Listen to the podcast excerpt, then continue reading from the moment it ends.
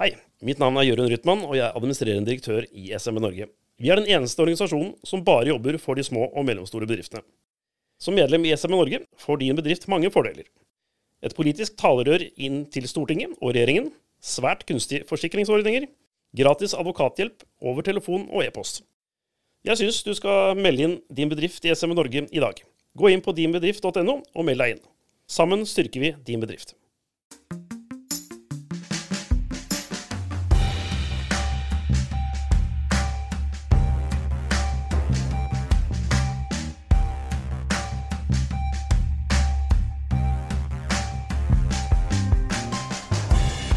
Hei og velkommen til en ny episode av SMB Norge-podkasten. Igjen med meg, Klaus Jacobsen. Og Kristian Eilertsen. Og Kristian. Godt nytt år, kompis. Jo, sjøl takk. Jo. Godt nyttår til deg òg. Ja, det er mye feiring. Ja, det ble det for så vidt. Det var, var en veldig fin nyttårsfeiring. Jeg var eh, her i Oslo faktisk og feira med stor vennegjeng, eh, og det var utrolig artig og givende. Det er alltid trivelig å feire nyåret på en sånn måte. Ja, og du feirer det lenge? Ja, det var ganske lenge. Det, var, det ble en god del timer inn i det nye året, for å si det sånn. Ja, hva du ble bjuda på? Hva det ble spist? Og det, vet du hva, det var tapas. Vi hadde sånn konsept at eh, Er det lov med tapas på nyttårsaften? Ja, ja, vet du hva, det er helt fantastisk konsept. jeg si. Vi hadde sånn opplegg at, eh, der vi var på besøk, Ja. at eh, alle gjestene hadde med seg én rett hver. Ah, Eh, og det betyr jo at, at vertskapet ja, ja. fikk mye mindre arbeid, ikke sant? og så kunne alle bare liksom, plukke det man ville ha av mat. Og Ja. Det gjorde at det ble en kjempefin eh, fin feiring. Så det var masse god mat. Og det var spanske kjøttboller, det var foccaccia og aioli, og det var, eh, Oi, oi, oi. det var masse god mat, ikke sant. Og her har du meg som tror at jeg må lage kalkun, så hos meg ble det kalkun. Jeg tror det var pålagt. Lovpålagt. Ja, sånn er det når du kommer fra Finnmark, vet du. Da tror man at det, sånn skal det være. Ja. Men i dag eh, Kristian, så har vi rett og slett med oss en eh, SMB Norge medlemsbedrift, dvs. Si kollektivt medlem. Og hva betyr det å være kollektivt medlem av SMB Norge? Ja, veldig bra at du presiserer det med kollektivt medlem. fordi at eh, SMB Norge vi er jo en interesseorganisasjon for små og mellomstore bedrifter. Og vi har også en hel rekke kollektive medlemsorganisasjoner som igjen organiserer andre personer. Og eh, vi har, jeg tror det er tjuetalls kollektive medlemmer. Ja. Og det det vil si da, det er jo at det er en, en medlemsorganisasjon, en interesseorganisasjon som er veldig spesifikk da for et, for et fag, f.eks., eller for ulike grupper. Og så melder de seg da kollektivt inn som medlemmer i SME Norge, istedenfor at hver enkelt av dem eh, gjennom sitt eh, foretak eller eh, på et eller annet vis melder seg inn eh, enkeltvis hos oss. Eh, og Det gjør jo selvfølgelig at deres medlemmer oppnår jo en, en, en bedre pris per medlem enn hva hvis du bare melder inn et, et enkeltselskap. da. Ja. Eh, Men de har akkurat de samme fordelene som eh, ordinære medlemmer i SME Norge. De har akkurat den samme påvirkningskraften som eh, ordinære medlemmer, og de har også altså Vi står også minst like mye på for dem som ordinære medlemmer. Så det ikke, står ikke tilbake for noen andre Nei. egentlig å være kollektivt medlem i stedet for ordinært medlem. Jeg tror den eneste forskjellen er at du kan ikke være tillitsvalgt i SME Norge uten å være ordinært medlem. Nei. Det vil si, det holder ikke å være kollektivt medlem, du må også være et ordinært medlem for å kunne være tillitsvalgt i SMN Norge. det er så rimelig å være dobbelt opp-medlem her at det, det satser vi på at folk uh, gjør. Og Det vi har med oss i dag, er jo da profesjonelle vergers interesseorganisasjon. Jeg må notere ned så jeg ikke sier noe feil. Eh, og Vi kan begynne med deg, Anne Kari Vindenes. Godt nytt år til deg òg. I like måte. Ja, ble det en fin feiring på deg òg? Ja da, det ble stille og rolig, men det var helt greit. Ja. Ja, ja. Du, jeg må bare lese, jeg googla jo, jeg, jeg har jo togtur fra Sandefjord og inn til Oslo for å komme hit, og så googler jeg hva er en verge. Og da, Ifølge Google står det en verge kan gi råd om hvordan økonomien kan styres på best mulig måte. Jeg tenker Her burde jo nesten eksistert også for små og mellomstore bedrifter, eller nye startups. ja, det kan du si. Nå er det jo sånn at eh, for å få en verge oppnevnt, så må man faktisk ha en diagnose. Ja. Og det er jo kanskje litt verre for små bedrifter å få. Det er det er nok noen diagnoser ute og går blant eh, bedriftseiere også. Ja, ja. Så, det, ja, så i så, så måte så kan det jo være sånn at mange ville hatt behov for den hjelpen. Ja. Eller den støtten som en Ja, spesielt gir. i disse tider vi har vært gjennom de siste årene. Spesielt i det. Ja. Men foreløpig, eh, og vi har jo spilt inn en lovendring der faktisk, til Mm. at dette burde være sånn at det ikke burde være krav om diagnose. Mm. Men i øyeblikket så er det det. Ja.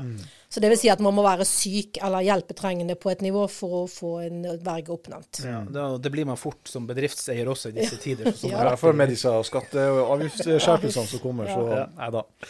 Og så har vi også med oss Hans Jørgen Heg. Godt nyttår til deg også. Godt nyttår til deg, Klaus. Ja, Ble det en fin feiring? Det ble en veldig fin feiring. Ja, Du trengte ikke verge pga. nyttårsaften? Nei, du, Jeg var så heldig at uh, jeg tar vare på en eldre dame som bor tvers over veien for oss. Ja. Og der er begge sønnene jegere. Så vi Ja. fikk da et uh, rådyrlår Oi. som jeg inviterte gjestene på. Ja. Og da Jeg googlet masse og snakket med noen hobbykokker og sånne ting. Jeg er jo litt sånn hobbykokk selv. Så vi landet på 64 grader, og så fikk de hvile i tre kvarter. Da ble det helt perfekt. Og så Ja. lagde jeg da min mors saus, som den skal da henge igjen på gaffelen. Oi. Og det er vesentlig. Det skal være ordentlig saus. Skal ikke være sånn sky som dette der våre. Den skal være, den skal henge igjen på gaffelen. Du er atskillig mer avansert enn meg, altså. Den koker i seks timer. Ja, ja, ja. Jeg må bare si, Vi må være litt sånn matnerding her. Jeg har en fetter som driver med sånn der, eh, sånn, det kommer sånne pelletsgriller. Mm. Og han serverte meg en gang et sånn, det er sånn eh, low, eh, altså lav varme. Et kjøtt, en briske, det heter briskett på, som, som var laga i 27 timer. ja. Altså, det var jo det var helt vilt å smake på. Det var så sjukt godt, og det er absurd.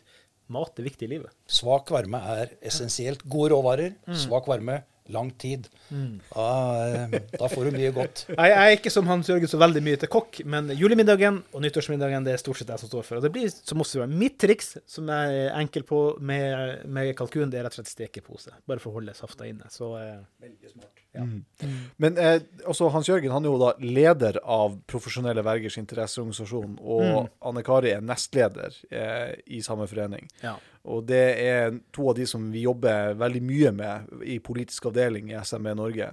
Så det er veldig artig å ha dere to med oss i denne episoden. ja, men vi kan jo ta det først, da. fordi at eh, en ting jeg har notert for meg sjøl her, det er ordet idealisme. Jeg vil tro at det ligger noe bak. Vi kan jo ta deg, Anne Kari, for hva var grunnen til at du ville gå inn denne veien? Å være verge, rett og slett? Ja, altså jeg har jo eh, vært leder i flere bedrifter over mange år. Eh, og i 2004 så fant jeg ut at nå var jeg ganske lei av det. Ja. Jeg var ganske lei av personalansvar. Hadde egentlig fått nok av å si opp folk og ja, være litt sånn der. Ja. Så da tenkte jeg at nå skal jeg gjøre noe annet med livet mitt. Så da kom jeg ved et helt tilfeldighet over vergemål som ikke egentlig var så offisielt da som det er nå. Nei. den gang i 2004, selv om det ikke er så lenge siden, så var det stort sett advokater og sånt som var verger. Ja.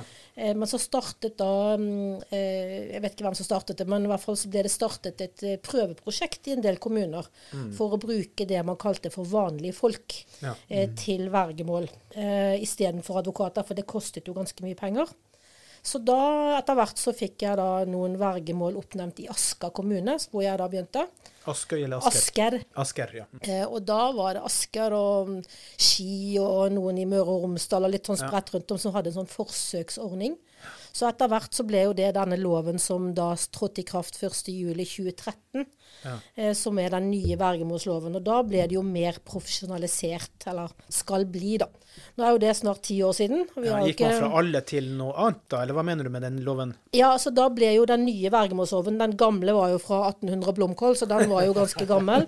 Ja. Så da ble det vedtatt en lov i 2010 som eh, trådte i kraft i 2013. Som er den vergemålsloven som vi forholder oss til nå.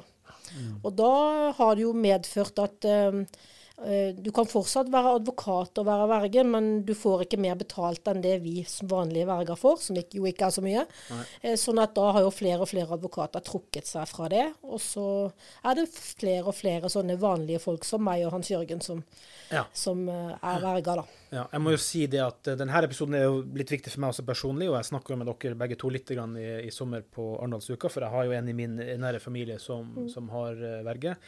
Og um, der gikk jo egentlig statsforvalteren inn og ville ha bort vergen fordi det er en advokat. Ja. Men så var vi såpass fornøyd, og mitt familiemedlem var også fornøyd, så vi sa at vi syns det er greit, og så ble det OK videre, for ikke forstyrre noe mer. For det er ofte en grunn til at folk trenger verge. da, Ja. sant? Vi vil ikke rote til noe mer, og vedkommende betaler det her ekstra sjøl. Så, så det de passer jo på, for all del. da, så, og det er jo viktig. det. Hans Jørgen, hva var din vei inn til, til å bli verge? Hva, Nå tenker jo jeg kaster meg ut idealisme, men hva, er, hva ligger bak hos den? Idealismen ligger jo veldig bak, det må jeg si. Jeg var jo eh, Jeg har jo startet eh, et par egne selskap, og så har jeg vært eh, i mediebransjen i mange år. Ja. I 2014 så ble min avdeling lagt ned. Ja. Så fikk jeg en tilbud om en ny jobb i, i A-media. Da takket jeg nei. Og så tenkte jeg nå må jeg gjøre noe med hjertet. Mm. Og da, da, ble jeg verge for min onkel først, når mine foreldre døde. Mm. Uh, I den sammenhengen så, så, skulle vi selge en eiendom på Nesodden som kommunen da skulle overta, hvor det bodde da flere psykisk utviklingshemmede, mm. uh, deriblant min onkel. Og da var jeg da den gang ut og inn hos Fylkesmannen, for det skulle jo signeres papirer og stemples ja. etc., som det da seg hør og bør gjøres også i dag. Og så tenkte jeg at dette var litt artig mm. å gjøre, å bistå. Og så spurte de meg da inne den gang Fylkesmannen om jeg kunne tenke meg å drive det på heltid. Ja. Og så fikk jeg tre prøveoppdrag, og så Det var i 2016. Og nå er vi i 2023. Mm. Og det har vært uh, betydelig flere oppdrag underveis, og, og veldig mange spennende oppdrag. Ja. Min, min, grunntanke i dette er jo at det Jeg jo tar jo vare på de svakeste i samfunnet. Ja. Og så er det jo slik at da Det er jo veldig viktig også for meg at vi har en, en god dialog med vergehaver. Mm. For uten et, en god kommunikasjon og et samarbeid, så, så, fungerer jo ikke dette i det hele tatt. Så, og det er jo en frivillig ordning. Mm. Så, så, jeg er veldig opptatt av den gode dialogen man har. Og så er det selvfølgelig noen som man ikke kanskje får den samme gode dialogen eh, på. Men, men jeg, har veldig, jeg har veldig lite typisk altså NFU-klienter har jeg veldig lite av. Jeg har ja, mye du, NFU, altså Norsk forbund for utviklingshemmede. Norsk ja. forbund for utviklingshemmede. Altså der hvor familieverger er inne i bildet. De som har ett ja. oppdrag. Mm. Det er ca. 40 000 familieverger som har ett oppdrag. Mm. Vi som profesjonelle verger vi er vel 600-800 stykker som håndterer 30 000 oppdrag for mm. statsforvalteren i 11, 11 fylker og 11 embeter. Så ja, så det liksom, vi, jeg har veldig mye på en måte rus, psykiatri, store formuer, familiekranglinger. Vi gjør passe på folk som også er på sykehjem, hvor mor og far ja. liksom er blitt litt dårlige, og barna vil gjerne kaste de ut av Hva mener du med familiekrangler? Hvordan kan du havne inn der, da? Hva? Ja, Det er veldig enkelt. Er, I dag er det jo mye store formuer. Ja. Store verdier på eiendom. Og da hvis mamma eller pappa er kommet på sykehjem, så vil jo gjerne barna ha på en måte arven med en ja, okay, gang. Så, så de ja. som sitter for munnen, er ikke helt klare, da, rett og slett? Nei, og så er, er, det jo slik at det er jo, er jo, mange familier hvor ikke brødre eller søsken har snakket med hverandre på 30 år. Ja. Mm. Altså De stikker hverandre med gafler. Det er livsfarlig, vet du. Det er liksom, ja, så det, Vi har vært i mange slike opp, oppdrag hvor de er helt Og da er jo vi, går jo vi inn og fasiliterer og er den objektive parten og passer på vergehaver. Mm. Og det er viktig. Og det er på en måte embetet til statsforvalteren. Mm. Ja. Men jeg syns jeg hørte du sa Hans Jørgen, at det er rundt 40 000 familieoppdrag, altså familievergeoppdrag, eh, i dag. Og så er det rundt 30 000 profesjonelle eh, vergeoppdrag. Altså, det vil si at det er rundt 70 000 innbyggere i dette landet her i kongeriket Norge som har som har et vergemål mm. i dag. Stemmer det? Det stemmer. stemmer. Ja. Mm. Hva er eh, å være verge, for de som forhåpentligvis ikke har truffet på denne? Hva er det å være verge, egentlig? Hva betyr det? Altså Det betyr jo, som Hans Jørgen sa, at vi tar vare på de svakeste. Men måten vi tar vare på de på, er jo mm. å passe på at de får ha et verdig liv så godt som det lar seg gjøre. Mm. Og det finnes jo veldig mange forskjellige nyanser i de som har verge. Det er vel syv forskjellige kategorier, tenker jeg. Hvis man skal kategorisere det, så er det jo rus og psykiatri, det er mm. spilleavhengighet, det er demens, det er alvorlig svekket helbred. Så det er mange forskjellige typer mennesker. Og så er det mm. utviklingshemmede da, som er en, en ganske liten del. Cirka, ja, mellom 5 og 10 tenker jeg, av de som har verge, er utviklingshemmede. Sånn at det er veldig mange eh, forskjellige typer mennesker og mange forskjellige roller vi får. Eh, vi er jo veldig opptatt av hvilket mandat vi har, altså hva er det vi har lov til å gjøre. Mm. Eh, og det ganske, kan være ganske komplisert. Sant? Men vi har jo ikke lov til å låne bort penger, gi bort penger, eh, selge hus og eiendom uten at det fattes grundige og dokumenterte vedtak. Ja, men hvem gjør det, da, hvis vedkommende f.eks. ikke er ved sine fulle fem? Da Ja, da er det statsforvalteren som fatter vedtak. Eh, hvis vi f.eks. skal selge huset til fru Nilsen, som har ja. flytta på sykehjem Eh, barna vil ha ut pengene, mm. og mor kan ikke bo i huset lenger. Men kan barna bare kreve det? Kan vel ikke det egentlig? Nei, de kan ikke det. Nei. og det er jo dessverre sånn at hvis ikke vi er der, så hender det jo at familiemedlemmer er verger. Og dessverre så foregår det jo en del underslag, svindel, mm. av familiemedlemmer som tar seg til rette. Eh, og det er veldig trist å oppleve, både for familien og for den vergehaveren det gjelder. Eh, Jeg har flere sånne ganske stygge saker, og det er ikke bra. Det er, jeg får helt vondt. Hvordan er dere sikra en sånn situasjon? At ikke dere sitter med kall det falske påstander da, som verge Si at det, er noen, at det har skjedd noe tull der, da. Ja da, altså vi, vi blir jo beskyldt hele tiden for eh, å stjele penger og svindle og lure og holde på. Så det er utrolig viktig at vi dokumenterer godt det vi gjør. At vi er stødige i kommunikasjonen. At vi kan dokumentere ting enten skriftlig eller via SMS. Eh, og så har vi også forsikring. Eh, Det er dessverre i øyeblikket ikke lovpålagt å ha forsikring, men eh, vi vil håpe at det blir lovpålagt for alle som skal være verge for eh, alle, egentlig, burde ha forsikring. Eh, For å hindre at eh, vergehaver blir skadelidende dersom det skulle skje feil. For det kan jo skje uskyldige feil, og det kan skje si, planlagte feil. Det vet vi jo ikke. Eh, Nå vil jo ikke forsikring dekke planlagte feil, men, eh, men det er i hvert fall viktig at vi profesjonelle har forsikring. Men jeg jeg lurer på, dere sier dere er profesjonelle verger. Hva er det som skiller en profesjonell verge fra en, fra en annen verge, for å si det på den måten? Ja, det finnes fire kategorier verger. Ja. Det er profesjonelle faste verger, som Hans Jørgen og jeg. Så finnes det familieverger. Så finnes det advokatverger. Det vil si at man kan få oppnevnt advokat som verge dersom det er juridiske ting man skal håndtere. håndtere. Eh, og så er det det som heter alminnelige verger. Og En alminnelig verge det er sånn eh, Du bor over gangen for en hyggelig dame som plutselig blir syk, og så hun har veldig tillit til deg, så da kan du bli verge for naboen. Da heter det en alminnelig verge. Men, men, men, men du må vel kurses på et eller annet vis her? Du kan ikke bare hoppe inn i sånt? Det må vel være noe bak her, eller? Ja, eh, vi er Du drar ikke på det. Ja, vi, altså, det å være verge, det er en bratt læringskurve. Ja. Du får eh, litt grann opplæring. Vi i PVI er ikke så veldig imponert over den opplæringen som Hvem gir gis. den opplæringen da? Det gir statsforvalteren. Ja. Så vi har også noen småkurs innimellom, for vi har jo skoene på. Mm. Så vi liker jo å hjelpe våre kollegaverger med å komme i gang. Mm. Og det er ganske heftig eh, trening som du Og det er liksom du lærer ikke egentlig dette uten at du gjør det når du har skoene på. Nei. Når du skal gjøre en konkret OK, nå har jeg fått dette oppdraget, hvordan kan jeg løse det? Hva er det jeg må gjøre her? Hva er det jeg ikke kan gjøre? Hva er det jeg må gjøre? Ikke sant? Så det er en ganske Nå har jeg vært verge siden 2004, det er 19 år, så jeg begynner å kunne litt.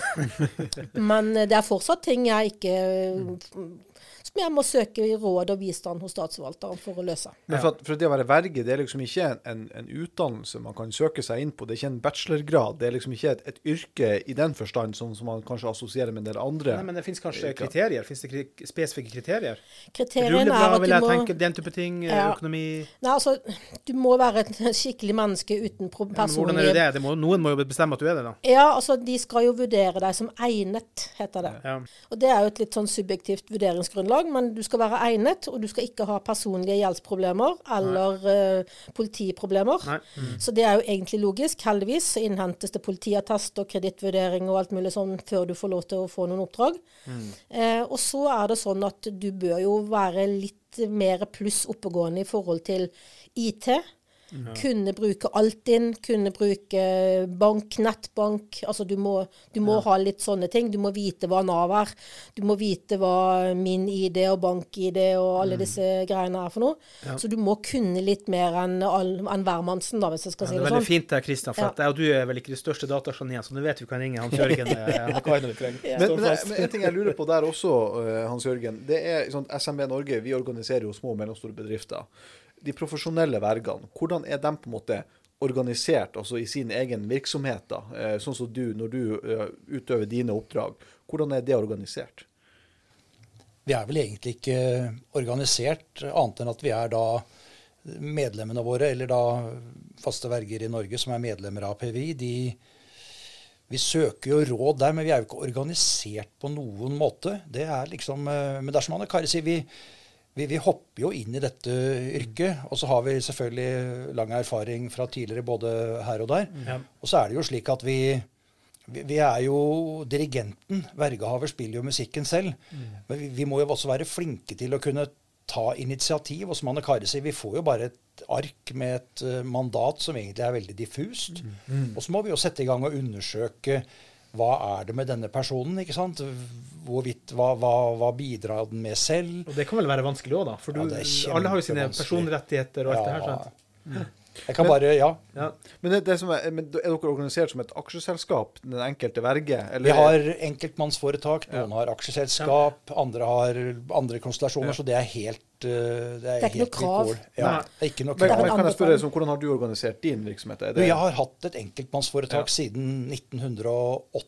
Jeg begynner å bli voksen, så jeg har liksom Jeg har brukt det hele Ja. tiden. Og hatt det. Og det er klart, det er jo da slik jeg velger å organisere. fordi at det er I og med at jeg har system, strukturkontroll, så kan jeg ha et enkeltmannsforetak. Ja.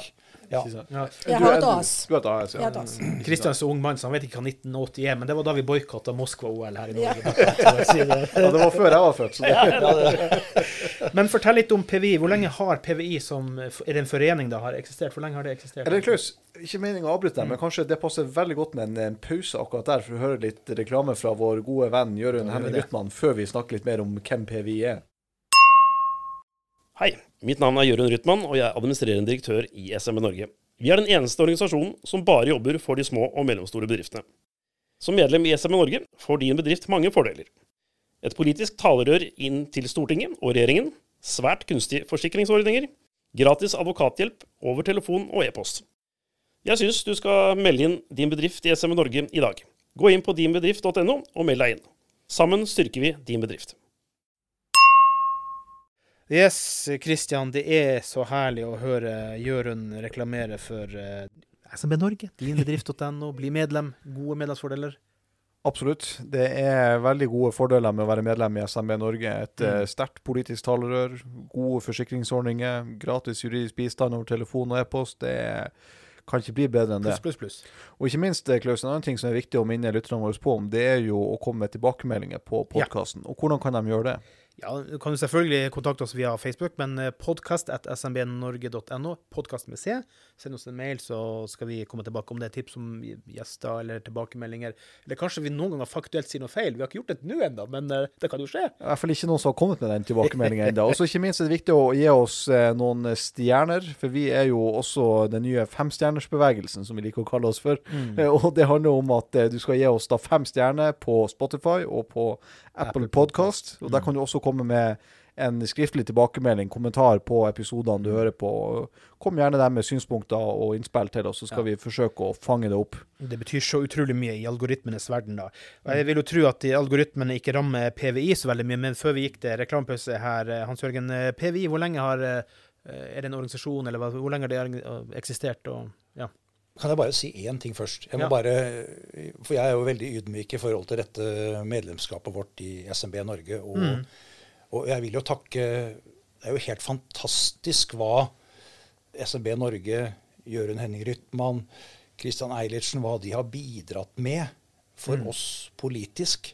Altså det er, jo, det er jo natt og dag fra noen år tilbake. Nå er vi liksom inne i sfæren av politiske tankeganger. Vi, vi sender eh, høringer som eh, Anne Kari her og, og en Unni Strand, som også er styremedlem, forfatter. De er jo, jobber jo helt enormt for å få dette til.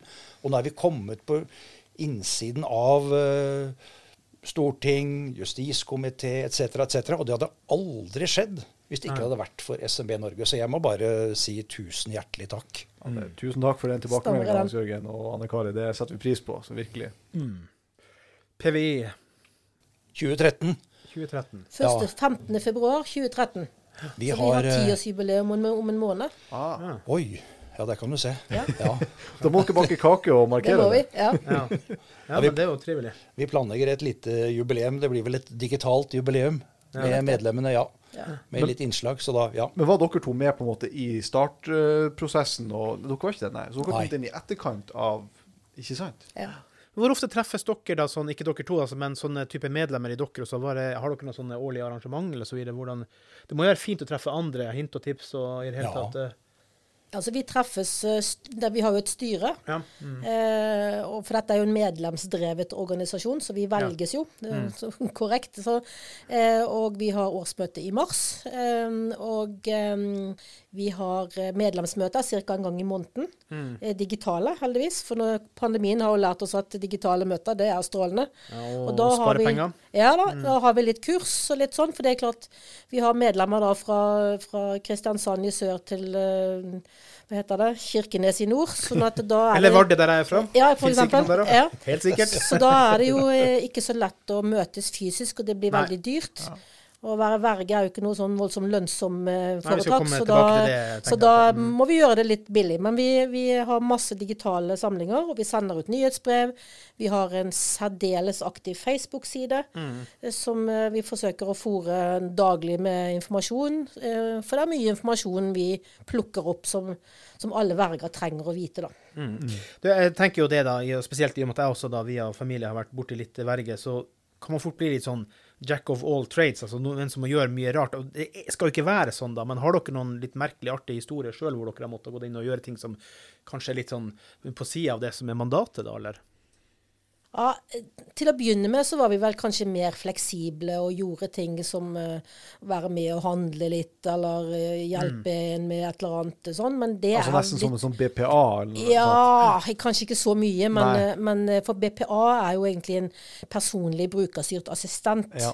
Så det blir noe helt annet. Eh, vi skal ikke drive med praktisk bistand. Vi skal heller ikke drive med ting som andre kommunale ressurser skal drive med. Eh, sånn at det er ganske strengt hva vi faktisk får lov til å gjøre, og hva vi i så fall får betalt for å gjøre. Så det er ganske, ganske minimalt. Så vi er, vi er veldig sånn eh, eh, Vi skal passe på, som Hans Jørgen sa i sted, vi skal være dirigenten, og så skal vi ikke spille musikken. Men når dere møtes til tiårs, nei, ja, tiårsjubileum, så har dere noen artige historier for det? Dere opplever jo mye rart. Ja, altså Det er jo mange historier. Det er jo alt fra Men det er jo egentlig litt sånn tragiske historier, da, hvor Ja, man må gå inn og, og redde gård og grunn fordi eh, tidligere samboere har stukket av med alle pengene og solgt leiligheten, og eh, datter eh, har tatt alle pengene til mor og reist eh, til et annet land. Og, altså, Det er dessverre mange sånne stygge historier. Men det kan jo ikke dere, dere får jo ikke tilbake penger som er borte. Eh, ja og nei. Okay. Eh, altså I det tilfellet hvor datteren svindlet mor for halvannen million kroner, så, så fikk vi jo ikke tilbake pengene. Men hun fikk seks måneder fengsel. Ja. Det gjorde hun. Og det reddet ikke mor, eh, dessverre. Mm. Men så eh, hadde vi en sak som faktisk sto i Dagens Næringsliv for et par år siden, hvor det var en svoger som hadde fått en eh, dame til å skrive under et testamente to uker etter at hennes mann døde. Ja. Eh, og Da er det jo under mye stress. Ja, og der var det et eh, ganske stort antall millioner inne i bildet, Mm. som vi da klarte å redde. Ikke sant? Eh, eller jeg da klarte å redde, hvis jeg skal si det sånn. Og det, var, det er en ganske sånn eh, hyggelig historie å se tilbake på, på vegne av den vergehaveren. Men, men du nevnte Anne Kari, dette her med altså, tidligere at dere var mer fleksible og hadde vært med på butikken og handla. Liksom. og det- Så hvor går på en måte skillet mellom en kommunal støttekontakt Mm. og en profesjonell verge? Ja. ja, altså skillet er at vi skal ikke være med å gjøre praktiske ting med vergehaveren. Vi skal eh, passe på, vi skal organisere. Så jeg kunne leid inn deg, og så kunne jeg sendt deg på butikken med fru Nilsen. Og så kunne du fått betaling av fru Nilsen for å være med og gjøre den jobben. Da organiserer jeg det.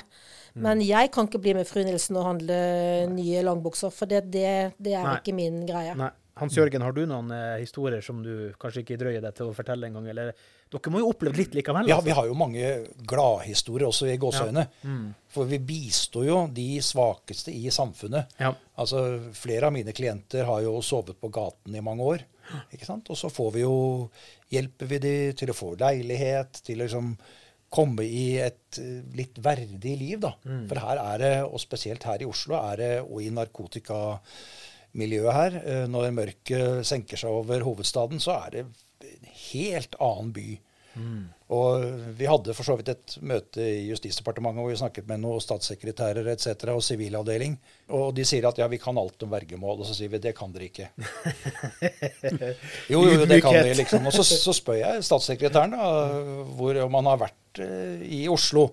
Nede på Grønland og nede på Det bor over 2000 mennesker ute på gata i Oslo. Ja, ikke sant? på vinteren, ja. nå. Det er helt skummelt, ja. Jeg spurte om han hadde vært der og sett hvor han er. Nei, jeg hadde jo ikke vært der. Han, I det hele tatt. Og ingen hadde vært der. Ikke sant? Vi har jo vi har på en måte liksom klienter som er der, som våkner som, som får pensjon, og så tar de ut 5000 kroner, og så våkner de helt splitter nakne, verken bukse eller penger. Ikke sant? Og så, da er vi jo vi der og bistår de. Ikke sant? Hjelper de inn i ulike instanser. Skaffer de bolig, skaffer de midlertidig sted.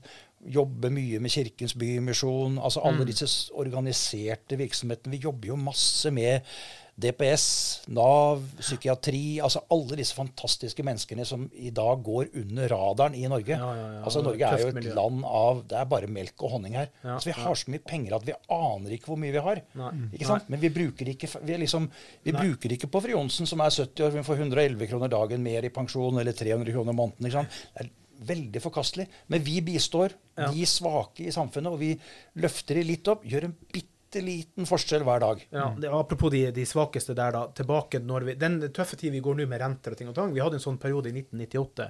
Og da eide jeg min første leilighet i lag med min samboer. Og så plutselig fikk vi jo masse prosenters oppgang. Mye mer enn vi har opplevd nå. Fikk 7 oppgang bare på noen uker. Og da begynte vi begge to å jobbe litt ekstra ved siden av jobben vår for å klare å komme oss gjennom der. Og en av de tingene jeg gjorde, var at jeg var nattevakt på Perminal, altså Forsvarets Perminal. Og der var jo sprøytebussen. Og når en narkoman da slokna, så var de andre bare ribbene helt. Lå igjen i trusa. Så jeg måtte ofte springe ut og beskytte de da, for å få dem bort. Ja. Så ikke det robber dem. Så tenk deg hvor tøft det er å være ute i den der, og mange av de må dere da ta vare på. Det er, ja, Plutselig jeg har jeg ikke klær engang. sant? Nei, og det som er litt av det tragiske i det her, det er jo at mange av disse her, de forstår ikke alltid hva vår rolle er. Nei. Og de forstår ikke hva det vil si å ha verge. Og da er det jo sånn i den loven som vi har nå, at det er helt frivillig å ha verge. Så de kan si nei, nei, jeg vil ikke ha verge, jeg vil klare meg selv. Og i verste fall eh, så må da statsforvalteren si at eh, ja, men da slipper du å ha verge. Og så er jo spørsmålet hvem tar da vare på disse menneskene? Vi kaller det for å være de som er i det sorte hullet. Og de som er i det sorte hullet, det er de som ikke forstår. De som er altfor syke til å ha den innsikten som de trenger. De som er for syke til å forstå at de trenger hjelp. De er i det sorte hullet, og de finnes det mange, mange mange av.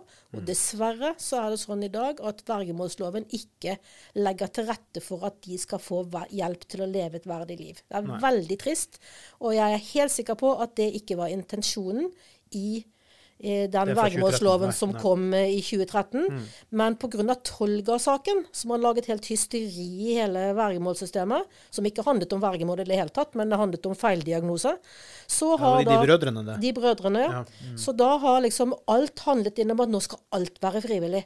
Det er jo ikke sånn i verden at alt er frivillig. Du har dine forpliktelser. Mm. Du må faktisk betale husleia di. Du kan ikke si nei, jeg skal ha trygd, og så skal jeg ha alle pengene, og så driter jeg i å betale husleien. Det er jo ikke sånn det funker. Skal jeg nevne, Kristoffer, det var De Tolga-brødrene var det at de var vel tolka som ikke høy nok IQ, og så var det feil på det. Var det ikke sånn det var? etter den greia de der? var, de var diagnostisert som utviklingshemmede. Ja, men så var de ikke det, egentlig. Og så var de ikke det. Nei. Og så var det den ene av de hadde da fått oppnevnt en verge, Ja. som da ikke, ifølge han, ville gi han pengene hans, og det var Ja. Mm. masse greier der. Eh, mens det VG fokuserte på, var jo vergemål, og trakket det ganske kraftig ned i, Mm. i møkka. Og det var veldig trist. Eh, fordi at dette handlet jo ikke egentlig om vergemålet, men det var det som på en måte fikk skylda. Ja. Ja, men, eh, men i hvert fall altså har det medført eh, Og det er veldig bra at folk skal bestemme selv. Altså, det er jo ingen av oss som har noe problemer med at folk skal bestemme selv. Men problemet dukker opp når folk ikke skjønner hva de bestemmer. Nei. Og det er dessverre mange som ikke skjønner det. Vi skal komme litt tilbake til det her, eh, på en måte, loven, vergemålsloven og litt det politiske som, som er rundt der. For der er det mye som skjer nå for tida i Stortinget. Det skal vi komme litt tilbake til i denne episoden. Men, men jeg vil litt sånn tilbake til dette her, eh, de her historiene dere har å fortelle. For at eh, vi hadde jo et arrangement i lag med dere under Arendalsuka i fjor. Um, I august. Et, et veldig godt arrangement etter min egen uh, nøkterne bedømmelse, vil jeg si. Eh, der bl.a. blant annet du, Hans Jørgen, hadde en ganske sånn sterk fortelling på, på scenen. Eh, da du fortalte litt om noen tilbakemeldinger som du har fått fra noen av dine klienter eh, eh, med den hjelpen som du har gitt dem, og hvor mye det har betydd for dem. Kan ikke du fortelle helt kort eh, for våre lyttere den samme enkle tilbakemeldinger, men samtidig veldig gode tilbakemeldinger som du fikk fra en av dine klienter? Eh, om du husker hvor jeg, hva jeg sikter til? fra Ja da, jeg husker absolutt det, og vi har eh, veldig god dialog i dag også. Det, er jo, det er jo slik at enkelte klienter så går man jo litt utover mandatet. Ja, det, det, det må jo sies. Så det er ikke alltid det Ja, kjøres positivt helt A4. Ja, ja, ja, ja. absolutt positivt stille opp for dem, ja. Mm. Ja. Og dette dreier seg da om en, selvfølgelig om en klient som var uh, helt ute å kjøre. Ja, Mm. veldig ute å kjøre. Ja, hadde ikke noe sted å bo, ingenting. Altså var bare Ja. og, og ruset seg kraftig. Og med all det oppstyret som det gikk da, i forhold til politiet, arresta, arrestasjoner, ikke sant, og ble stoppet med narkotika i lommen og med penger i lommen. Alle disse tingene her. ikke sant, Og da, da, da vi trådde inn og og tok litt mer grep. Skaffet han et sted å bo, skaffet han uh, bistandsstøtte, slik at han hadde mat og klær og, og, alle disse tingene. Og han er jo evig takknemlig for dette. Og, og som han sier, uh, Hans Jørgen, hadde det ikke vært for deg, så hadde jeg vært dau i dag. Mm. Altså bare sånn helt enkelt. Dette er jo mennesker som snakker rett frem. Og, og hadde aldri greid meg uten den hjelpen. Jeg er så takknemlig. Mm. Og, og, for å få dette, at du passer på disse små tingene for meg, mm. som betyr så mye. Og, og, da blir man Jeg kjenner at det, jeg blir rørt. Mm. Ja. Det, det, det, det, husker jeg veldig godt. Jeg husker at du var tydelig rørt eh, under den seansen i Arendalsuka. Og, og det, var ikke, det var sånn at alle vi som også hørte på, også lot oss eh, berøre av den historien der også, for å si det sånn. For at eh, det er jo ingen tvil om at det å være verge er på mange måter krevende yrke. Det, det kan ta mye tid mye arbeid, mye oppfølging, mange detaljer som skal følges med og sjekkes opp for veldig mange klienter på en og samme tid, kanskje. Men så er det jo kanskje også et veldig takknemlig yrke, når du får den type tilbakemeldinger, der du også både ser og hører hvordan forskjeller man har klart å utgjøre for et enkeltpersons liv. Og det må jo i mange sammenhenger kanskje nesten være lønn nok satt på spissen, ikke sant? Eh, for dere som jobber med dette på heltid. Ja, absolutt. Ja, og det ja, det er veldig verdifullt. For det er som du sier, at det er jo til tider ganske frustrerende. Mm. Og, og, vi som har mange klienter og, og jobber eh, fast med dette, så altså, det er veldig mange ting som går automatisk med avtaler, skier og refakturaer og gud veit hva det ikke er. Og vi, vi, har jo enormt med konter i ulike banker ikke sant? og forvalter jo mange, mange millioner penger. Men vi er jo også under tilsyn. ikke sant? Altså Vi må jo levere regnskap per 30.4., og det er ikke 1.5., det er 30.4. til statsforvalteren. Mm. ikke sant? Og det skal leveres da. Og, og vi, altså vi, vi, rører jo ingenting av våre klienters penger. Nei. ikke sant? Det er jo, Man kan jo gå inn om morgenen og bare se en, en 160-70 eh, konter i DNB liksom, med, med en haug med penger som vi passer på. ikke ja. sant? Men det er jo, vi, vi, vi rører jo ingenting. Vi bare er, vi er superseriøse og ryddige, absolutt. Og vi er under tilsyn. Ja. Og vi er stadig tilsyn, og det blir strengere og strengere. Og det er jeg kjempeglad for. Mm. Og vi har jo sagt til statsforvalteren det fra PVI sin side, at uh, still krav til oss. Mm. Kjør sertifisering. Still krav til at vi skal ha forsikring. Det er et krav. ikke sant? Altså Alle disse tingene her, Så vi, vi greier å skille oss som profesjonelle verger fra de som er familieverger, og som går og handler og går på kino og kjøper sko og klær og allting til, til, eh, til vergehaver. Men, men, det gjør jo ikke vi. Men, vi, ja. men apropos eh, lønn, da, for det er en ting jeg har notert meg. For jeg mener, husk at vi snakka litt om det i Arendal. Det, altså det dere får betalt For du sa i sted, Hans Jørgen, det med å være eh, altså fullt lønna verge, da. Men den betalings... Altså den eh, per oppdrag, eller hvordan det Det, det har stått stille veldig, veldig lenge, Annika, har det ikke det? Jo da når jeg begynte i 2004, så hadde vi den samme lønna som vi har i dag, i 2023. Ja. Så det er altså 20 år snart uten at det har vært justert med en eneste krone. Ja, Hvordan kan du da leve av det her? da? Ja, det kan du si. Altså Reallønnen vår er jo sånn 90 kroner timen ca. Ja, mm. eh, det er jo sånn at vi får 400 kroner timen hvis vi får timelønn. Eh, reallønn på den etter 20 år er jo da 90, mm. i forhold til den prisstigningen som har vært. Eh, vi mm. får, eh, hvis vi har et økonomisk vergemål, så får vi 7500 i året. Ja. Eh, og det tilsvarer 18,75 timer per år. Det er det jeg får lov til å jobbe. Så får vi 10 000 kroner for, for et økonomisk og personlig vergemål. Og det tilsvarer 25 timer per år. Og hvis vi da snakker med en vergehaver eh, en halvtime i uka, så eh, er de 25 timene brukt opp. Men vi skal levere søknader om sosialhjelp, søknader om uføretrygd, søknader om bolig. Vi skal dokumentere i himmelen og jord. Vi skal eh, levere regnskap til statsforvalteren. Vi skal lage budsjett med vergehaver. Vi skal passe på alle regningene hans eller hennes. Mm. Vi skal ha møter med vedkommende for å høre hva de virkelig vil. Altså de 25 timene, de er mm. borte vekk. Sånn. Mm. Og så er det da en eller annen luring inne i uh, Justisdepartementet eller uh, Statens sivilrettsforvaltning, vet ikke helt hvor, uh, som har funnet ut at hvis du jobber mer enn 25 timer, så får du ikke betalt. Mm. men hvis du jobber mer enn 50 timer, så kan du søke om å få betalt. Ah. Altså, så Så du vi har skal ha 25 gratistimer? Jeg skal ha 25 gratistimer per eh, klient, da. Ja. Ja. Det er ganske spesiell tolkning. Ja, det kan du trygt si. Og vi forstår jo ikke hvem som har vært på fest og funnet på dette her, for det, det er jo helt på trynet. Eh, og vi vet ikke noe annet sted i det norske samfunn hvor det forventes at man skal jobbe gratis Som profesjonelt yrke. som profesjonelt yrke. Og vi har da fått en høring fra Justis- og beredskapsdepartementet i eh, juni 2020, som ble levert i september 2020, hvor det står på annenhver side i det høringsutkastet at det må forventes at vergen skal jobbe betydelig antall timer gratis. Ja. Hvilken offentlig departement kan pålegge en yrkesgruppe å jobbe gratis i et arbeiderpartistyrt regjering? Jeg blir helt svimmel, altså. Ja. Nei, det, Det er ikke ganske bra. hårreisende. Og, det, Ja. og i tillegg til det, så har de ikke justert satsene overhodet. Nei. Eh, og det ser ikke, ut som at det er noen planer om å gjøre det heller. Når vi leverte den høringen, som vi for, øvrig skrev 45 sider på, så hadde vi et møte med statssekretær Vika deretter. Og da fikk vi bare beskjed om at ja, nei, du skjønner, det var så mange forskjellige høringssvar, så det var litt komplisert for oss å finne ut av. Ja. Da mista jeg litt av respekten for uh, det norske styringssystemet, altså når det, når det skal være så vanskelig å få justert.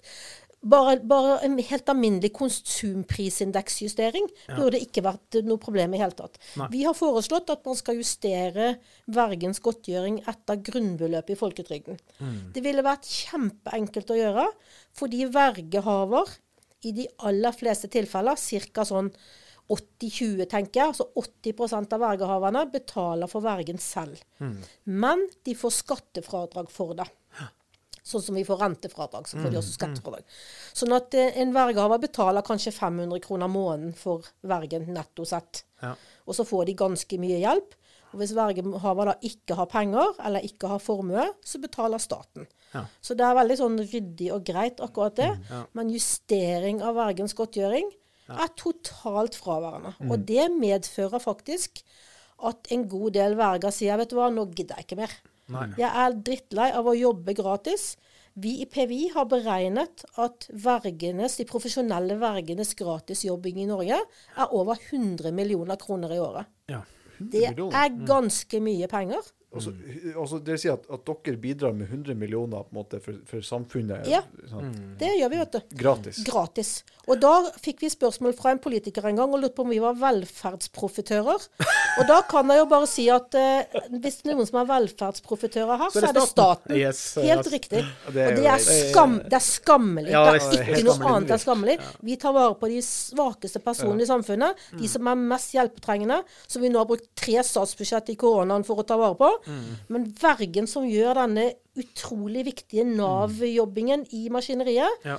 vi skal ikke få betalt. Vi skal jobbe gratis. Nei. Hva er dette for slags tøys? Det er helt absurd. Ja. Nå begynner, begynner vi virkelig på en måte å bevege oss inn på det, i det politiske som dere jobber med. Så jeg tenker at her er det veldig naturlig å ta en eh, kjapp pause før vi snakker litt Ja. mer om det som skjer politisk. Så da hører vi hva Jørund har å fortelle oss igjen.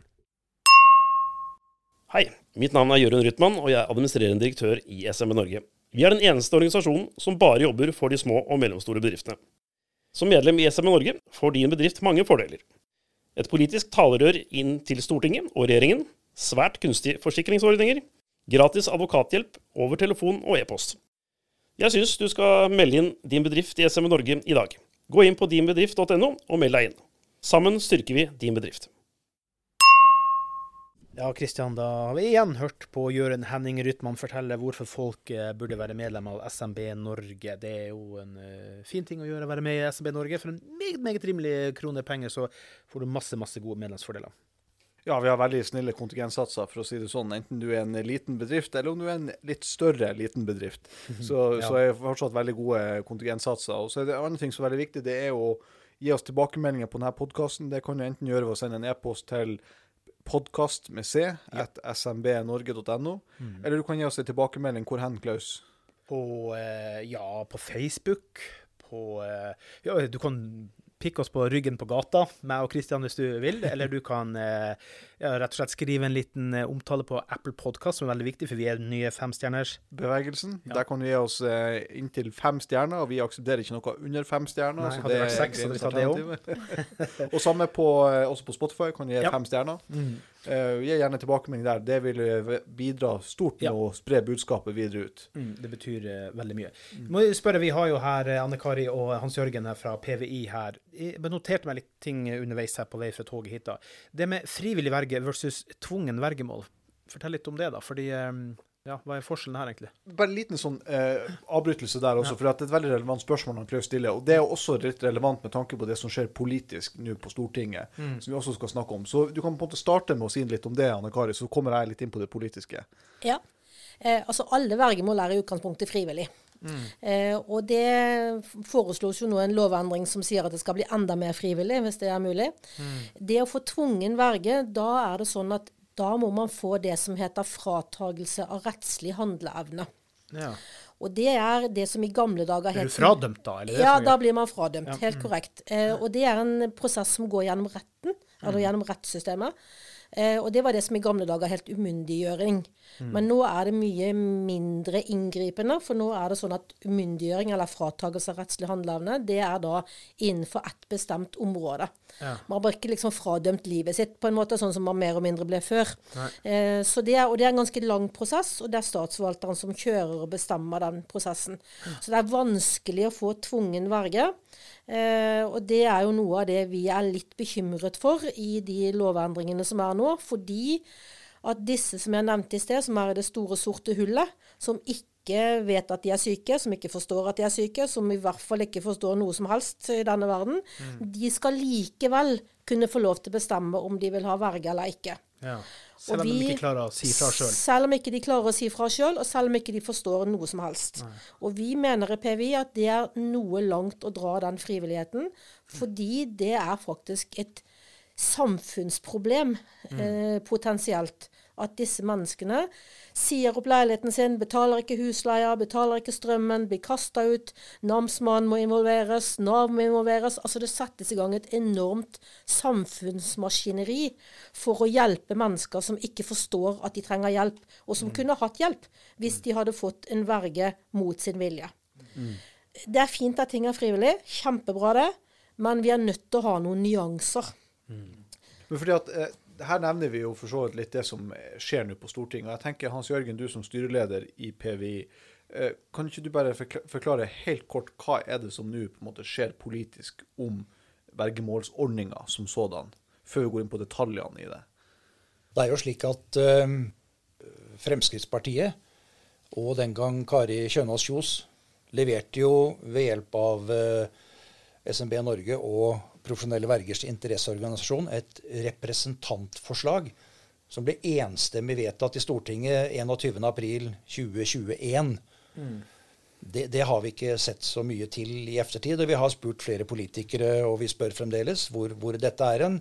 Eh, Det er de ikke helt sikre på. Men, men sånn er nå det. Og, og nå er det jo slik at det er eh, Og hva de vedtok? Hva det, hva det vedtaket var for noe?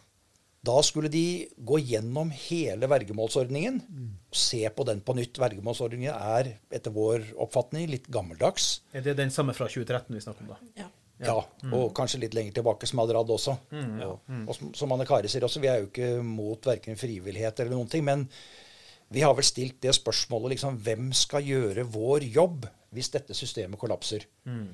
Og slik vi ser det nå i forhold til den, eh, det som er nå ligger i justiskomiteen, det er da at det skal være en enda større frivillighet. Og det skal være da slik at eh, det skal ikke være noen differensiering heller.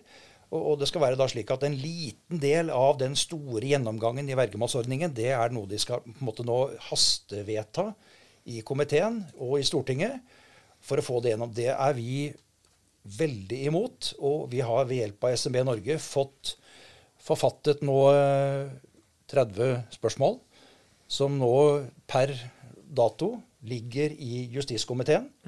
Vi har allerede fått tilbakemelding fra noen politiske partier at uh, dette er et utrolig grundig arbeid. Mm. Det var vi kjempeglade for.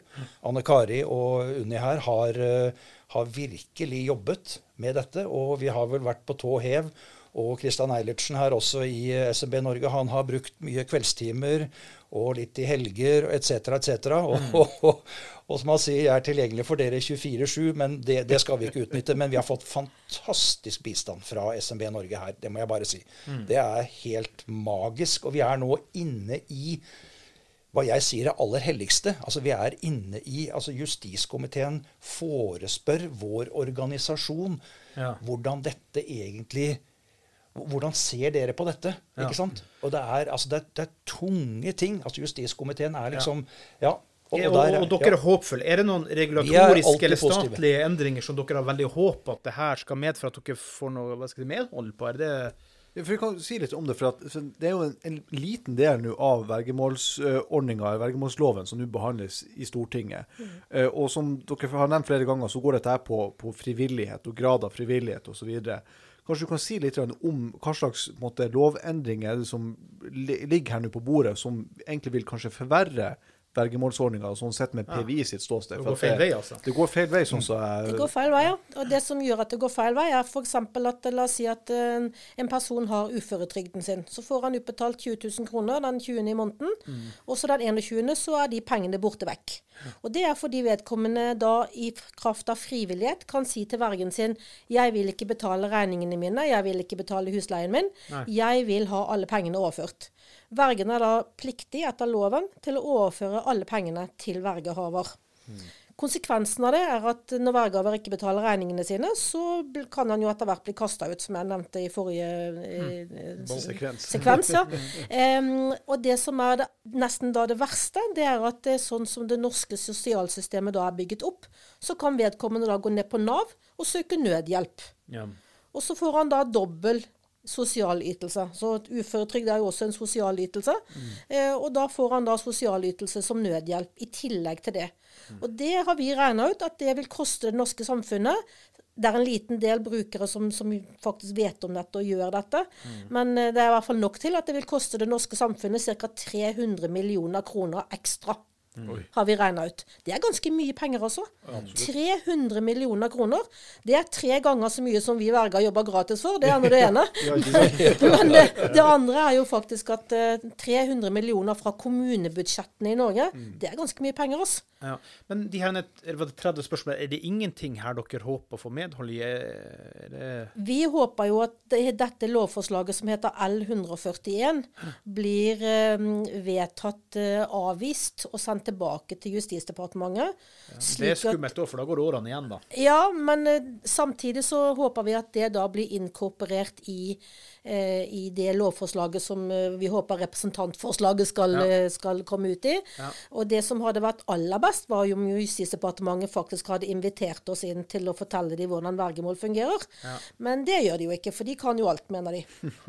ikke sant. Men, men, så um, altså de, de, spørsmålene som dere har stilt, er jo et håp om at, at politikerne skal ta til fornuft og innse at man kan ikke vedta det som ligger på bordet her nå. Ja. Men er det noen andre ting i dette her lovforslaget som nå ligger på bordet, som på en måte vil forverre situasjonen for de som innehar vergemål i dag, og for dere som eh, jobber som profesjonelle verger?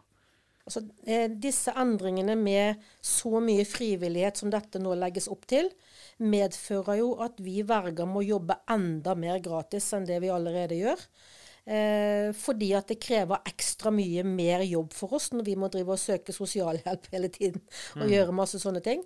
Eh, pluss at det er jo en del andre ting nå. altså vi har jo ikke begynt å snakke om digitalisering enda. Digitalisering er et stort problem for alle som har verge, og mange andre som eh, ikke er digitale i Norge. Så det gjelder jo ikke bare folk under vergemål. Mm. Eh, det betyr at når vi skal sende søknader om ting, eh, sosialhjelp, startlån, Nav-søknader og sånn, så må vi gjøre det på papir og via posten. Mm. Vi kan ikke gjøre det elektronisk fordi det er sperret. Mm. Så har uh, Justisdepartementet eller Statens sivilrettslige forvaltning begynt med et morsomt prosjekt som heter FUFIN. Og FUFIN det handler om fullmaktsstyring. Det betyr at eh, de norske IT-systemene, hvis jeg skal kalle det for det, etter hvert skal medføre at vi verger skal kunne få tildelt i de norske systemene, Nav og andre, fullmakter på, på hvilke områder vi kan representere vergehaver på. Det er vel og bra. Vi PVI har vært litt med i en referansegruppe i det prosjektet.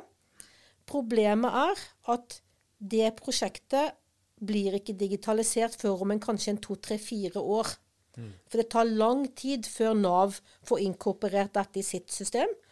Eh, og det betyr at disse fullmaktene som nå kommer ut i dag, de er for det første ulovlige, for de er ikke vedtatt i Stortinget.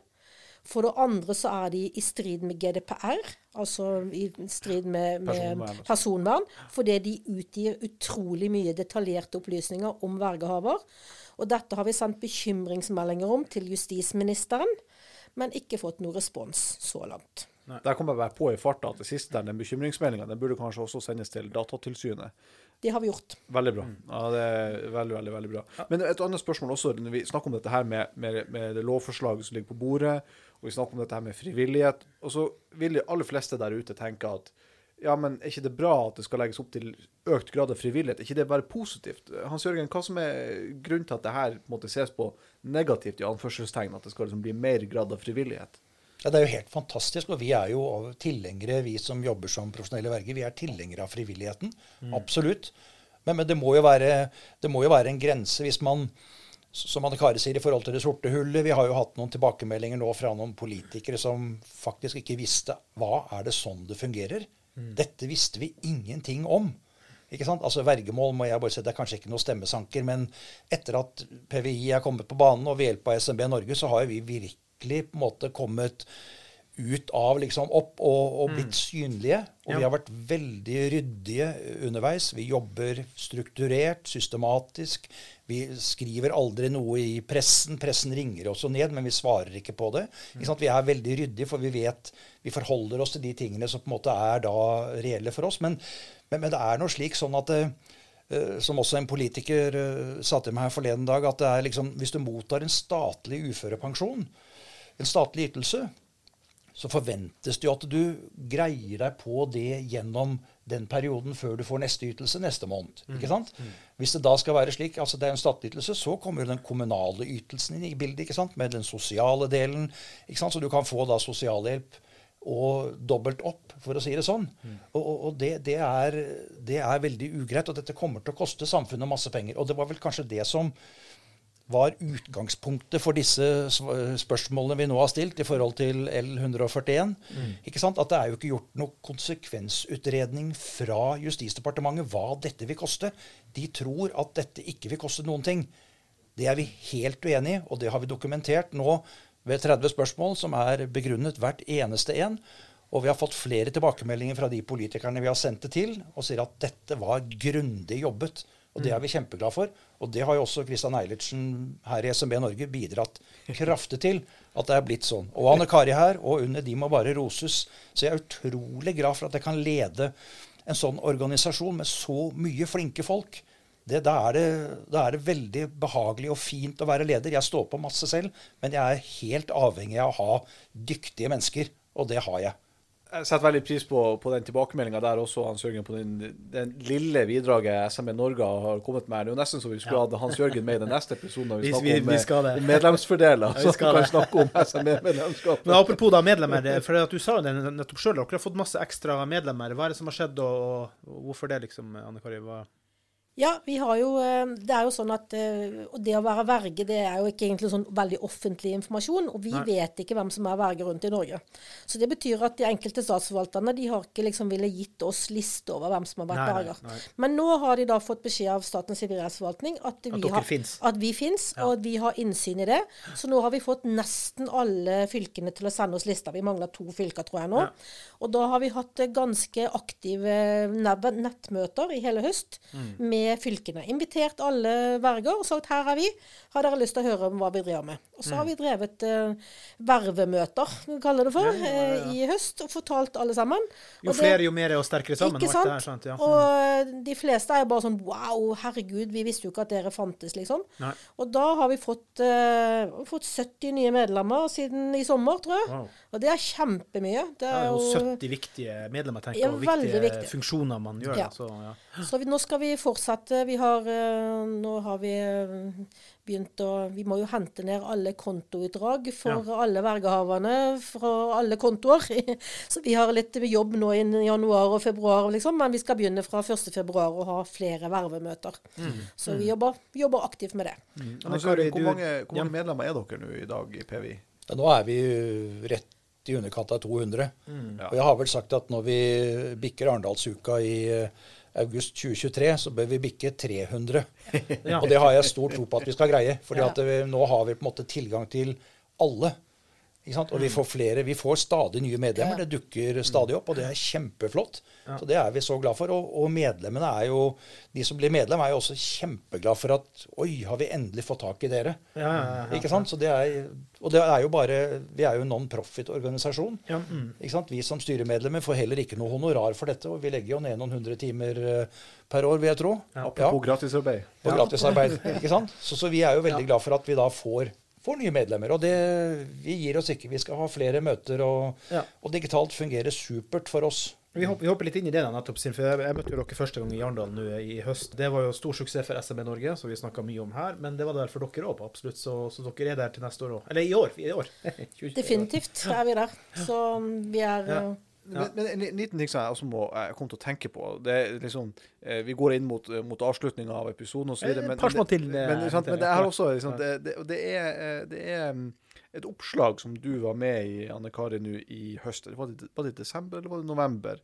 I Dagens Næringsliv. Og, og det var jo et, et ganske dystert og alvorlig oppslag. Og dere har jo fra PVIs side stilt eh, spørsmålet, kall det gjerne retorisk at man har stilt det spørsmålet, men det like fullt et reelt spørsmål også, og det er jo eh, hardt og brutalt når blir den første vergen drept? Og, og da hva- kom du inn på et par av de tingene jeg tenkte ja, ikke sant? da, Vi tenker ja. likt, Klaus. Det er bra. Ja. Og, og så spørsmålet da er sikkerheten var det jeg tenkte på. Ja, Mm. nettopp. Og, og spørsmålet er liksom Hva er grunnen til at dere stiller det spørsmålet? Ja, dessverre så er det jo sånn at uh, noen av våre vergehavere er litt ekstra intense. Eh, Jeg føler at du de- underdriver nå. Hva sa du? Jeg føler at du underdriver. Ja, jeg gjør nok det. Eh, vi har jo eh, Altså, flere av våre vergehavere er jo mennesker som har drept andre. Eh, og veldig mange vergehavere, i hvert fall av de jeg har Nå har jeg mye erfaring, så jeg får nok litt ekstra mange av de litt, Vanskeligstilte, litt ja. mest intense. Ja. Eh, det er klart, de er det jeg i den artikkelen i Dagens Næringsliv kaller for tikkende bomber. Og det høres veldig sånn litt brutalt ut, men det er faktisk mennesker som er så syke at de ikke er trygge. Eh, verken for seg sjøl eller for andre. Og det er dessverre sånn etter den endringen i, eh, i psykiatrien i, som var for et par år siden, som veldig mange psykiatere og profesjonelle mennesker var imot, så er det jo sånn at det å legge inn folk på tvang, det er jo nesten umulig lenger. Så det betyr at hvis folk skal legges inn mot sin vilje, så skal de jo være altså så syke at de nesten har drept noen, eh, eller i hvert fall står nesten i ferd med å gjøre det. Og det er klart Problemet til oss verger er at vi styrer pengene deres. Mm. Så vi er jo en utsatt uh, species fordi vi skal jo på en måte hjelpe dem, men de forstår ikke at de trenger hjelp. Og de forstår ikke hvorfor vi sier nei, er det så smart at du får ut alle disse pengene her? Du trenger jo mat resten av måneden også. For vi snakker på Maslow-nivå. Liksom, det er der vi, vi, vi er helt der. Det er mat, liksom. Eh, og det er klart at eh, hvis de blir ekstra eh, forbanna, så kan de dukke opp på kontoret mitt, og så kan de eh, kaste seg inn vinduet og med kniv. Og jeg hadde en episode i, um, for et par år siden, Um, og jeg, jeg har tillatelse fra min vergehaver til å snakke om dette, så derfor skal kan jeg gjøre det. Fin presisering, det. Han, eh, han uh, var på kontoret mitt på fredag og drepte en mann på onsdag. Ja. Og han var så psykotisk når han var hos meg på fredag. Og han, vi forsøkte å legge han inn søndag, mandag, tirsdag. Ble avvist på legevakten gang på gang på gang på gang. På onsdag morgen så satte han seg ned på Solli plass, midt i trikkeskinnene, og ba. Etter at han hadde kastet og ommøblert en restaurant, eh, så kom politiet. Eh, og så kom AMK. Og da klarer han i det øyeblikket å ta seg så sammen at han, eh, de slipper han løs. Eh, så tar, går han ned til eh, Aker Brygge, så tar han eh, båten ut til Nakkholmen. Og så tar han et svært anker og knuser en fyr som tilfeldigvis sto der. En stakkars hytteeier som tilfeldigvis var på feil sted til feil tid. Og drepte han. Sånn at jeg har tenkt mye på det i ettertid. Hvorfor drepte han ikke meg? Nei. Det kunne like godt vært meg. Vi har ingen beskyttelse. Vi har ingen regler om at vi skal gå to stykker i et møte, sånn som Nav har eller statsforvalteren har. Vi har ingen vern. Vi har ingen opplæring til vern. PVI har hatt sikkerhetskurs for våre medlemmer her for en tid tilbake, for å liksom sette litt fokus på det. Men vi må rett og slett eh, ta ansvar for vår egen sikkerhet, og det er utfordrende. For vi har møter med vergehavere som er så svimle og så syke det ikke er helt sikkert at det er smart at vi har møte med de alene. Nei, og det er ikke noe statlig forståelse her på noe endring? Og Overhodet ikke. Nei, finnes ikke. Jeg tror ikke eh, de som sitter og lager disse regler og lover, jeg tror ikke de forstår eh, den situasjonen som vi kan komme i. Vi har f.eks. heller ingen, eller i hvert fall veldig liten, informasjon om personen har eh, herpes, MRSA, eh, hepatitt, altså smittsomme, farlige sykdommer. Vi får null informasjon om det når vi får et oppdrag. Det oppdager vi kanskje etter hvert, liksom. Så, så, så det er liksom ganske mye sånn fundamentale ting som burde vært Ja. eh, tatt tak i. Ja. Som det er liten vilje til å ta tak i, Ja, et par dessverre. småting eh, til før vi går inn mot eh, landing her. da. Psykologisk, hvordan sikrer dere i PVI eller det at dere For dere blir jo sannsynligvis en liten psykolog for veldig mange av disse i samtale. Hvordan ruster dere eh, dere for å være en god Kall det hobbypsykolog, da? Eller hva, hva kan man si om det, Hans Jørgen? Ja, Det er vel som jeg sa i, i starten på, på sendingen her, at det er jo Vi prøver i hvert fall i det lengste å ha en god dialog med vergehaver. Og skape den tryggheten som det er, så at vi er der for de. Men at vi liksom ikke Vi skal ikke liksom være støttekontakt eller eh, eller eh, komme med Nei, men Dere må jo rustes på et vis til å Ja, men vi, Det er vanskelig eh, personell noen ganger. Det er jo det som Anne Kari sier, altså det tar jo en tid å, å bygge opp rollen som en fast verge. Det er jo klart. Og så har vi jo noe bakgrunn som gjør at vi kanskje takler situasjonen bedre enn mange andre. Eh, du skal vel ikke være superhissig og fare i taket for, for ingenting her. Nei. Det er veld, veldig viktig at du nå, I hvert fall når vi er i samtale med vergehaver, er jo at vi, vi skaper den roen som de trenger. Ikke sant? Og der er jo vi som i samarbeid med, med selvfølgelig mange andre på DPS og psykiatri og alt hva det måtte være, rus og fakt og, og alt dette her, og bosteder. Så, men vi, vi ruster oss jo godt opp, og så får vi jo en masse erfaring etter hvert. Ja. Ikke sant? Men, men i utgangspunktet så er vi jo sindige, rolige, strukturerte mennesker som, som greier å, å holde holde på en måte en god dialog, og at vi liksom ikke farer opp for ingenting. Vi, vi, må, være, vi må være hobbypsykologer. Helt klart. Ja. Men og, og sånn, igjen i sammenheng med dette med, med sikkerhet og den tryggheten som du snakka om eh, i stad også, Anne Kari. Eh, jeg tror jeg leste i det Dagens Næringsliv-oppslaget at, eh, at du går alltid rundt med pepperspray i veska di. Jeg ser at veska di den står rett til venstre for meg her, og nå har du fortsatt med deg peppersprayen hit også. Ja, det har jeg. Hvem vet om hun trenger det her? da? Kristian sier sånn her. Det er jo ikke helt lov å ha, men uh, da tenker jeg bedre å få tilgivelse-tillatelse, tenker jeg. Men, uh, men det, det er klart at det, sant, vi, vi skal jo på en måte eh, Vi må jo inngi en slags ro, og vi må Vi, vi kan ikke være av kruttønnkaliber, fordi da kan du ikke drive med dette. Nei. Og du kan heller ikke være redd. Nei. Ikke sant? Hvis jeg hadde vært redd for å dra hjem, eller redd for eh, sånn altså Jeg kom jo hjem fra en tur en gang og måtte sitte på Gardermoen i fire timer mens politiet fant han som hadde sendt meg 126 drapstrusler på SMS. Ja. Sant? Sånn at du, du må på en måte Kan ikke være redd, men samtidig ikke naiv heller. Nei. Nei. Eh, fordi det går ikke. For det er mye farlige folk ute, og vi er her for å hjelpe dem, men i et svakt øyeblikk så kan det hende at de ikke skjønner det. Jeg skal bare ta et siste, siste faglig eh, spørsmål eh, her, eh, Anne Kari. Du kaller det retten til et verdig liv for dine klienter. Hva legger du i det? Jeg legger i det at alle har rett til å leve det livet de vil, og ha et så verdig liv som det går an. Ha et sted å bo, ha penger til mat, ha klær på kroppen. Helt basale, normale ting. Og jeg tenker at vi er på feil vei som samfunn hvis vi legger opp til at det skal være så mye frivillighet at folk kan velge det bort. Det er ikke verdig liv å gå naken ned Karl Johan eller å, å dø av sult. Det er ikke et verdig liv. Og jeg tenker at vi må vakte oss for å lage et system som gir frivilligheten all makt. Ja. Og hvis du som lytter der ute tenker at du har noen rundt deg som eh, kunne trengt en verge eller hjelp, eh, hva skulle den lytteren ha gjort da for å gå videre med sin case? da? Eh, Det første de må gjøre, er å snakke med vedkommendes lege. Hvis man ikke har tilgang til vedkommendes lege, så kan man gå inn på en nettside som heter vergemal.no. Der ligger det mye veiledning på hvordan man skal gå frem. Man kan også ta kontakt med statsforvalter i det fylket man bor i. Eh, og så, Der er en vergemålsavdeling. Og de vil også gi veiledning til hvordan man kan melde en bekymringsmelding. Og statsforvalteren vil da gjøre undersøkelser på egen kjøl, eh, sånn at det er mulig å få til. Eller så kan de sende en melding til PVI, så skal vi sende melding til de videre på hvordan de kan gå frem. Ja, og dere finnes på pvi.no. Er det noe dere vil fremheve der som de vil finne frem til der? PVI.no eller vergemal.no. De to nettsidene så finner man alt man trenger. Så hvis man ønsker å komme i kontakt med PVI som organisasjon, så er det da på pvi.no man eh, går for å komme i kontakt med dere. Det er korrekt. Og dere står alltid parate og klare til å svare på henvendelser og oh, ja spørsmål? ja, det vet jeg jo egentlig av erfaring sjøl etter å ha jobba med dere en liten stund. Så. Sånn er det. Noen er driftige, og noen er det ikke driftige. Mens her sitter vi med ganske driftige folk rundt oss. Hans Jørgen Hæg, Anne Kari Winnes, tusen takk for at dere hadde tid til den lange, lange, gode praten her. Og vi setter jo pris på det. Og vi håper jo også at noen medlemsbedrifter setter pris på at vi innimellom presenterer medlemsbedrifter. Kristian.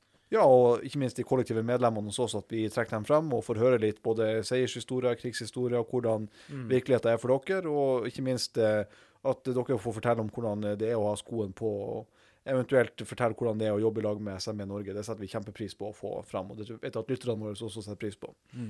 Takk for at dere tok tid til oss. Tusen takk. Hei, mitt navn er Jørund Rytman, og jeg er administrerende direktør i SME Norge. Vi er den eneste organisasjonen som bare jobber for de små og mellomstore bedriftene. Som medlem i SME Norge får din bedrift mange fordeler. Et politisk talerør inn til Stortinget og regjeringen, svært kunstige forsikringsordninger, gratis advokathjelp over telefon og e-post. Jeg syns du skal melde inn din bedrift i SME Norge i dag. Gå inn på dinbedrift.no og meld deg inn. Sammen styrker vi din bedrift.